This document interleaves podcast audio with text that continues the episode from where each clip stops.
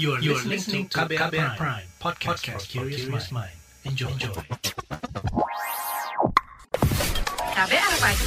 Awali hari Anda dengan mendengar beragam informasi seru dan terupdate cuma di KBR Pagi. Cuma di KBR Pagi.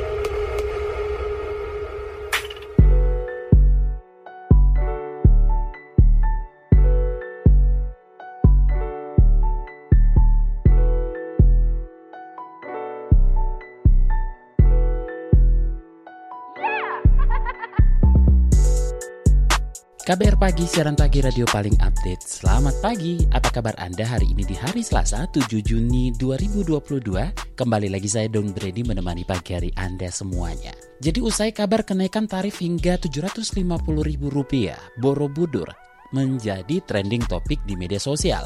Media sosial diramaikan dengan berbagai keluhan soal tingginya kenaikan tarif yang dianggap tidak wajar.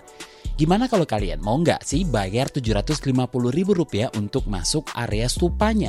Nah merespon banyaknya keluhan soal mahalnya tarif bagi turis lokal, Menteri Koordinator Bidang Kemaritiman dan Investasi Luhut Panjaitan menegaskan rencana tersebut belum final. Menurutnya rencana pembatasan kuota pengunjung dan kenaikan tarif untuk naik ke area stupa Candi Borobudur masih akan dibahas dan diputuskan oleh Presiden Joko Widodo pekan depan. Luhut pun masih membuka peluang penurunan tarif tersebut. Di samping itu, Luhut juga mengklaim dia juga memperhatikan masukan dan keluhan masyarakat. Namun, dia mengatakan langkah menaikkan tarif Candi Borobudur dan pembatasan kuota pengunjung demi menjaga warisan budaya dunia tersebut. Ia mengatakan Borobudur sebagai cagar budaya Indonesia yang ditetapkan sebagai situs warisan budaya dunia oleh UNESCO memerlukan perhatian khusus. Sebab situs bersejarah itu mengalami pelapukan akibat perubahan iklim, erupsi gunung Merapi, dan gempa bumi. Selain itu pengunjung dinilai suka melakukan vandalisme, seperti menyelipkan benda tertentu di sela-sela batu candi, membuang sampah sembarangan, dan tidak menghargai Candi Borobudur sebagai situs umat Buddha. Nah, sebelum kita obrolin soal ini lebih lanjut, kita dengerin dulu yuk komentar dari netizen plus 62 berikut ini.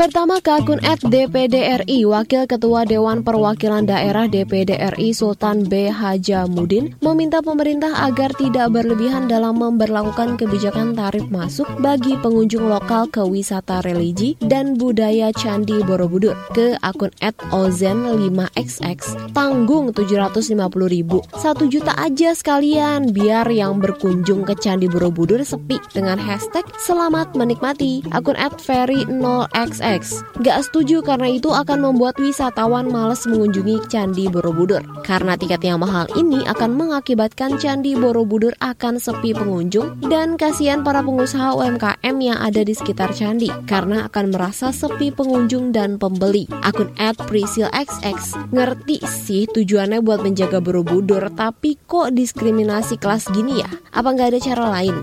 Ke akun ZXX BTW paket Sunrise Borobudur Borobudur dari dulu udah mahal loh. Akun @yoki underscore bal xx. Anak sekolah galau pak mau lihat candi Borobudur cuma di YouTube aja. Ke sana tiketnya mahal. Sedangkan akun @retnoxx ingat ya yang mahal itu tiket untuk naik ke atas tupanya. Harga tiket pelajar masih Rp5.000 per orang.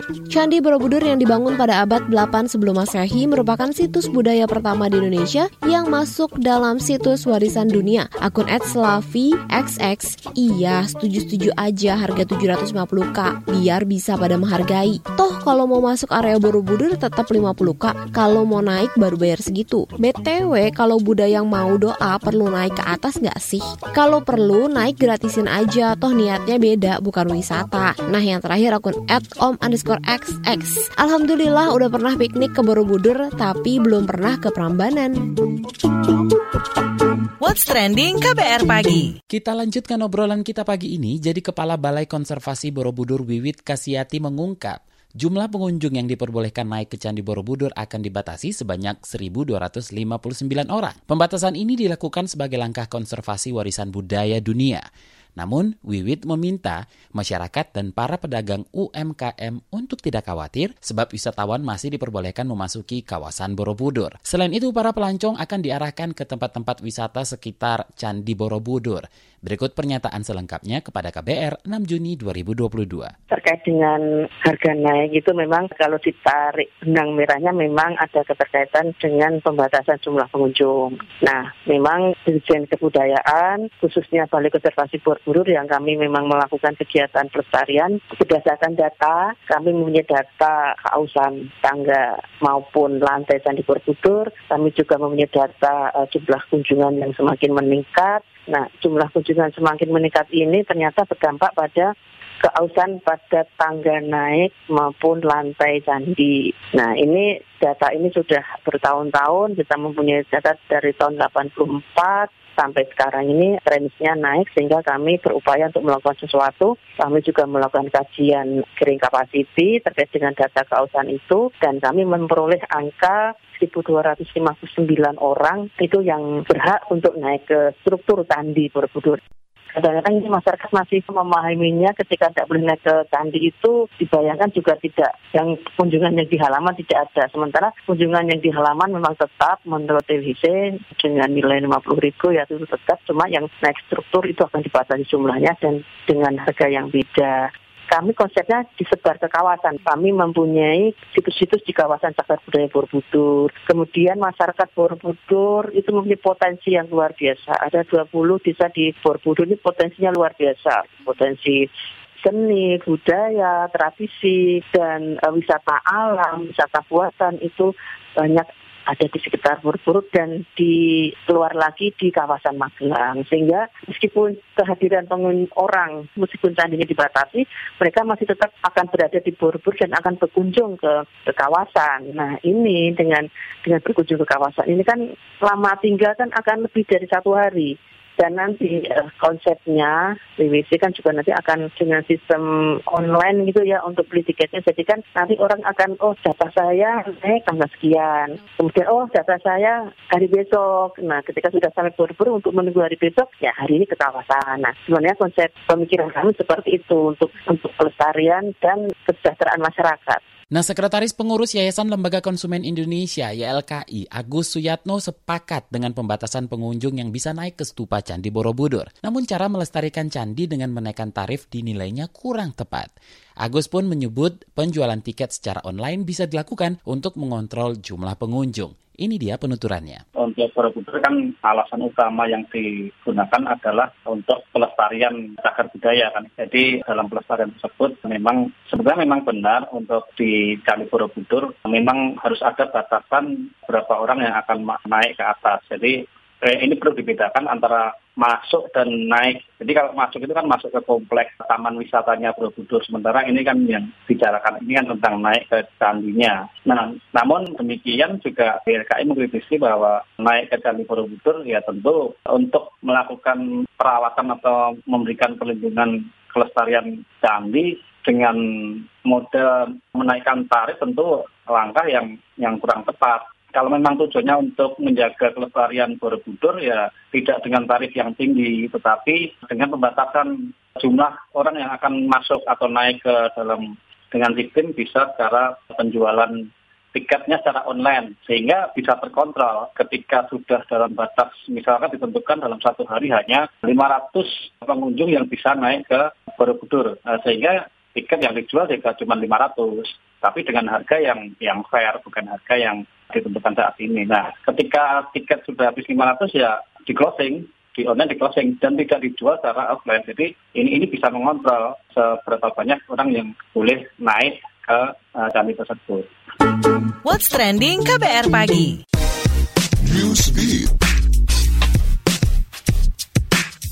Pemerintah kota Beijing, Tiongkok mencabut status penguncian wilayahnya atau lockdown dengan melonggarkan kebijakan-kebijakan protokol kesehatan. Kebijakan itu diambil setelah sepekan terakhir otoritas Tiongkok mengintegrasi sistem transportasi massal dengan kartu kesehatan masyarakat yang juga tercantum data vaksinasi dan hasil tes PCR berkala. Dengan pelonggaran itu, restoran dan kafe di ibu kota diizinkan menerima pengunjung. Sejumlah toko dan pusat perbelanjaan di Beijing juga kembali beroperasi sejak kemarin. Kantor Tungsten Kolaboratif di Kanada memperbolehkan karyawannya membawa hewan peliharaan ke kantor. Hewan-hewan ini dianggap mampu meningkatkan semangat dan bisa menyapa para pengunjung. Kantor Tungsten Kolaboratif sendiri memiliki anjing yang bertugas untuk mengatasi manajemen stres dan menjalin hubungan dengan klien. Kantor di Kanada ini juga mendorong para karyawannya yang sudah bekerja dari kantor untuk mempunyai hewan peliharaan dan membawanya ke kantor. Melansir IFP, pihak perusahaan merasa tak adil jika membiarkan hewan peliharaan di kandang atau di rumah selama pemiliknya bekerja.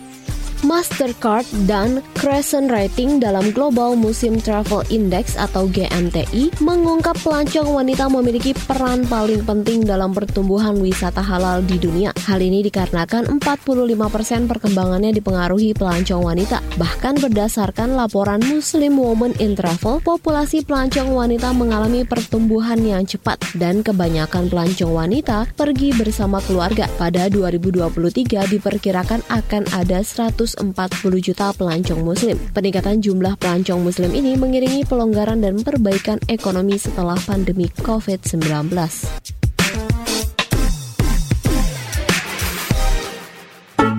What's Trending KBR Pagi. Kala netizen protes lonjakan tarif untuk naik area stupa Borobudur itu yang kita obrolin pagi ini. Nah, tepatkah kebijakan ini dan apakah dengan dinaikannya tarif Candi Borobudur ini akan mampu memperbaiki keadaan candi? Kita akan tanyakan langsung ke Ketua Ikatan Cendikiawan Pariwisata Indonesia Azril Azari.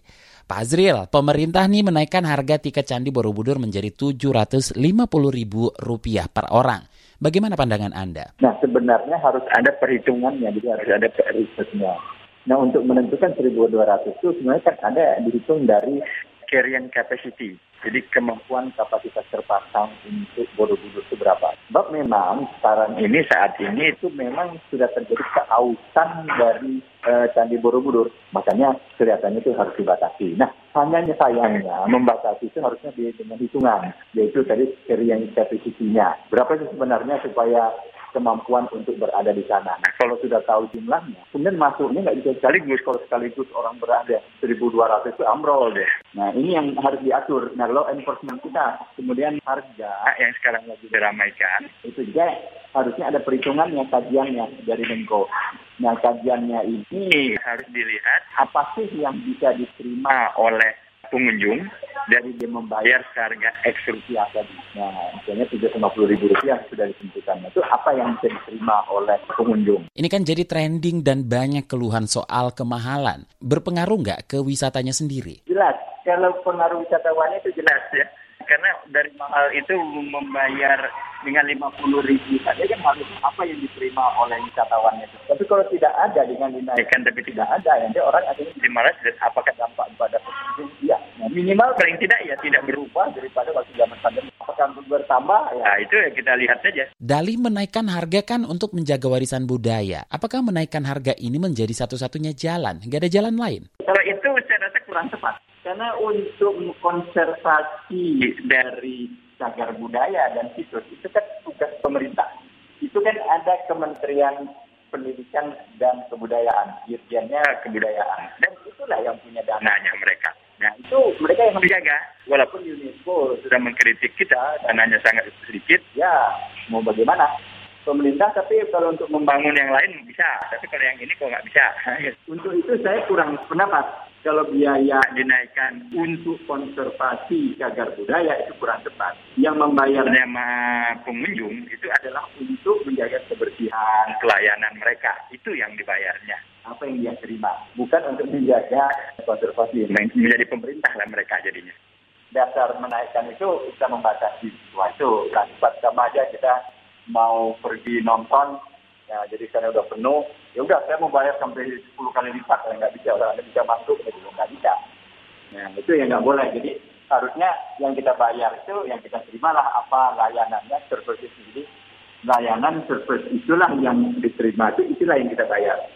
Bukan untuk menjaga segala macam, untuk menjaga itu sudah tugas pemerintah, karena itu dari undang-undang kan sudah ditentukan oleh pemerintah. Apakah dengan dinaikkan harga tiketnya situs budaya ini bakal jadi lebih baik atau terawat mengingat Borobudur juga merupakan tempat ibadah agama Buddha yang perlu dijaga? Lain halnya kalau di Bali itu kan Hindu, ya kan? Ada puranya. Nah, puranya ini kan tempat ibadah. Tapi pariwisata kan jalan terus. Kita kita belajar dari konsep itu. Apakah kita mau masuk kepada pura kita harus bayar. Bahkan itu diwajibkan untuk memakai udeng, topi untuk laki-laki, sama selendang Ah, kemudian kita selesai baru kita ini lagi kita serahkan kembali. Apa kita bayar kan tidak. Nah itu dipakai untuk upacara-upacara agama Hindunya. Nah kalau ini kan harusnya belajarlah dari itu gitu. Memang di sekitar Borobudur itu tidak ada atau mungkin sedikit lah barangkali yang beragama Buddha. Sekarang bagaimana kita? Ini permasalahannya sebenarnya. Jadi artinya kalau mau, mau membuat demikian, apakah untuk agama sama untuk pariwisata bisa kita lakukan? Ya biar saya contoh aja itu bisa kok. Gitu jadi orang asing juga banyak yang melihat bahkan dia mandi juga di situ. Harus ikutin aturannya perpakaiannya berbahasanya ya jadi itu bukan sebagai dasar untuk menaikkan harga.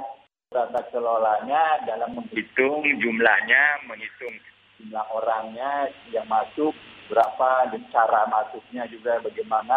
Law enforcement itu istilahnya di law enforcementnya. Kemudian yang kedua adalah masalah harga, ya apa yang dikembalikan kepada pengunjung itulah jumlahnya. Nah kalau memang ada kenaikan, ya kenaikan itu yang dikembalikan kepada ini berupa service. Jadi service itu yang dikembalikan kepada pengunjung. Nah itulah nilainya yang dibayarnya. Seperti kita nonton di piramida, kita ada sound and light. Coba lihat tuh sound and light itu bagus sekali di YouTube. Ada 10 tahun yang lalu di sana antri. Nah tapi kita puas dengan membayar mahal, kita ada yang kita dapatkan. Nah itu service-nya yang diberikan.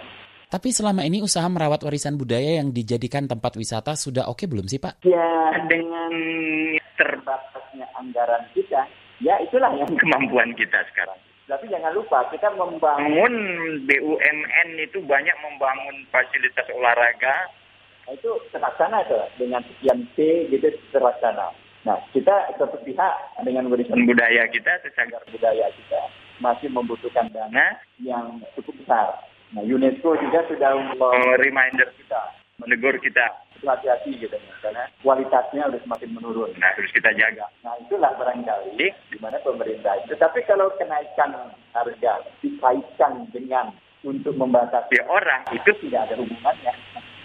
Nah, itu yang saya bilang. Jadi harus ada ilmiahnya, kajiannya. Kalau jumlah orang kembali kepada dari hitungannya, kita hitung. Tapi kalau harga kaitannya dengan servis yang akan dikembalikan. Apakah dengan tari-tariannya? Tari-tarian buat apa sih? Nggak ada hubungannya dengan Candi Borobudur. Dapat kita harus buat. Tapi apa sih sejarahnya? Telling story-nya. Ada nggak?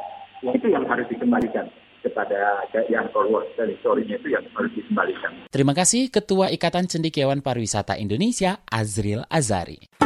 What's Trending KBR Pagi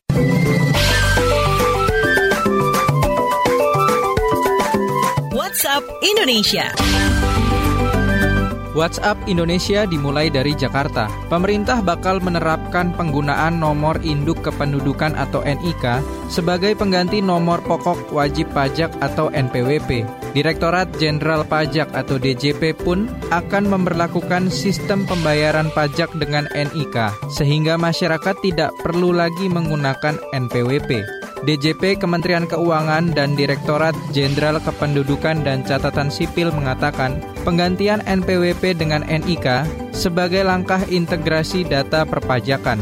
Menurut Direktur Peraturan Perpajakan 1, Ditjen Pajak atau DJP Hestu Yoga Saksama mengatakan, integrasi data akan memudahkan masyarakat. Namun, hingga kini belum ada kepastian soal penerapan kebijakan ini. Selanjutnya menuju Bogor. Pakar Pertanian Institut Pertanian Bogor atau IPB mengungkap ancaman kepunahan hewan sejenis lebah, burung, kelelawar, dan serangga lainnya. Melansir CNN, pakar pertanian dari IPB, Profesor Damayanti Bukhori mengatakan potensi kepunahan hewan-hewan penyerbuk tanaman pangan ini dikarenakan minimnya ketersediaan pangan. Di masa depan, Profesor Damayanti Bukhori memperkirakan hewan-hewan penyerbuk ini akan makin terancam kepunahannya karena serangan hama ke tanaman. Kini, jutaan hama belalang kembara sudah merusak tanaman di Sumba Timur, Sumba Tengah, Sumba Barat Daya hingga NTT. Penyebaran hama dan ancaman kepunahan hewan penyerbuk ini juga dianggap sebagai tanda kerusakan lingkungan. Ia mengatakan, ancaman kepunahan hewan penyerbuk ini tidak bisa dianggap remeh karena bisa memicu krisis pangan. Terakhir mampir Banyuwangi, Jawa Timur. Ajang World Surfing League atau WSL Championship Tour Gilen Pro 2022 sukses digelar di Pantai Plengkung atau Jilen, Banyuwangi, Jawa Timur. Acara ini sukses karena mampu memikat lebih dari 6 juta pasang mata dari seluruh dunia untuk menyaksikan para peselancar bermain di ombak yang berada di kawasan Taman Nasional Alas Purwo itu pada 28 Mei hingga 4 Juni 2022. Menteri Pariwisata dan Ekonomi Kreatif atau Menparekraf Sandiaga Salahuddin Uno mengatakan, kesuksesan ajang ini akan membawa dampak langsung pada kebangkitan ekonomi di daerah. Juga sebagai ajang promosi yang efektif karena event sport tourism ini mendapat liputan media internasional. Jilen merupakan salah satu lokasi surfing dengan ombak kiri terbaik di dunia, dengan social engagement tertinggi ketiga untuk ajang olahraga setelah National Basketball Association atau NBA dan National Football League atau NFL atau Liga Football Amerika Serikat mengalahkan MotoGP yang berada di posisi 9. Demikian WhatsApp Indonesia hari ini. Demikian KBR pagi hari ini. Jika Anda tertinggal siaran ini, Anda kembali bisa menyimaknya di podcast What's Trending yang ada di Spotify, kbrprime.id, dan di aplikasi mendengarkan podcast lainnya. Dan Brady, undur diri, besok kita ketemu lagi. Stay safe, bye-bye. Terima kasih sudah mendengarkan KBR Pagi, siaran pagi radio paling update. KBR Prime, cara asik mendengar berita. KBR Prime, podcast for curious mind.